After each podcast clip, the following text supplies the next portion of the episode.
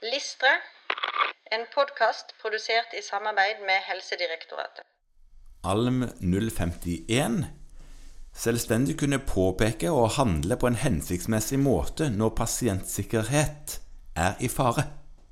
Ja, pasientsikkerhet. Det er jo et begrep som kanskje er litt ullent. Ja, en forstår jo kanskje umiddelbart at, det har, at du skal være trygg som pasient. Ja. Men det er vel kanskje definert òg.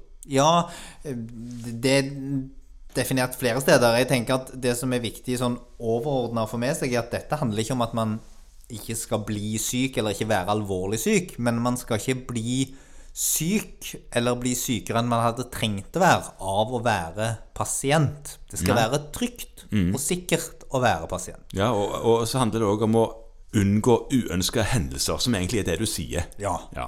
Det betyr at man ikke skal bli Altså, man skal ikke bli skada av å være pasient.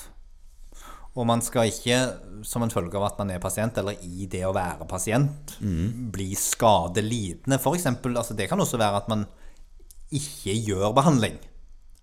Det, det er sant. Ja.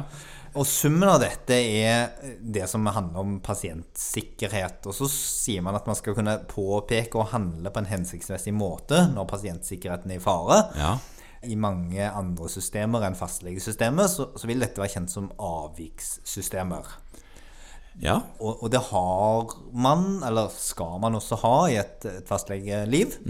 Eh, systemer for å melde fra om at nå skjedde det noe som kunne true pasientsikkerheten, eller som har trua den. Ja visst. Og så er det egne systemer for, og det tror jeg kanskje ikke vi skal bruke så mye tid på, men, men, men for hva man skal gjøre når pasientsikkerheten faktisk har blitt ramma. Ja, men Her handler det mer om å sånn som det står i het- dette her eh, læringsmålet, å kunne påpeke og handle på en hensiktsmessig måte når det er trua. Ja.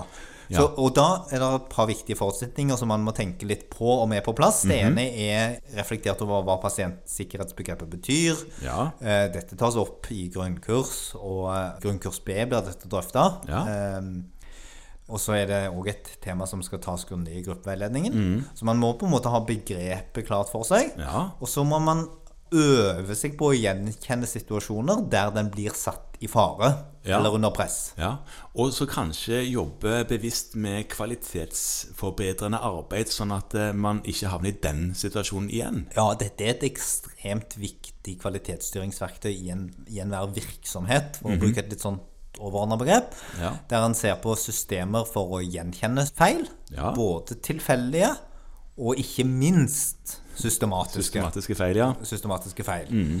Og risiko for det, og, og gjøre tiltak for å redusere det.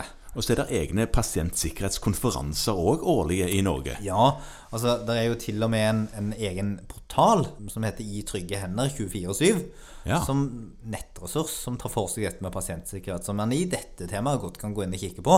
Ja. For å se mer på hva, hva er det som ligger i dette, hva er det som er tenkt rundt dette. Dette er et stort styringsverktøy, egentlig, helt opp på ledelsesnivå, på nasjonalt nivå. Ja, absolutt. Og eh, det er lett sånn at man kan tenke at de går litt over hodet på en stakkars fastlege i en, i en liten praksis ute i, i Distrikts-Norge, men, men det er faktisk viktig i alle ledd Ja. at en har pasientsikkerheten i fokus.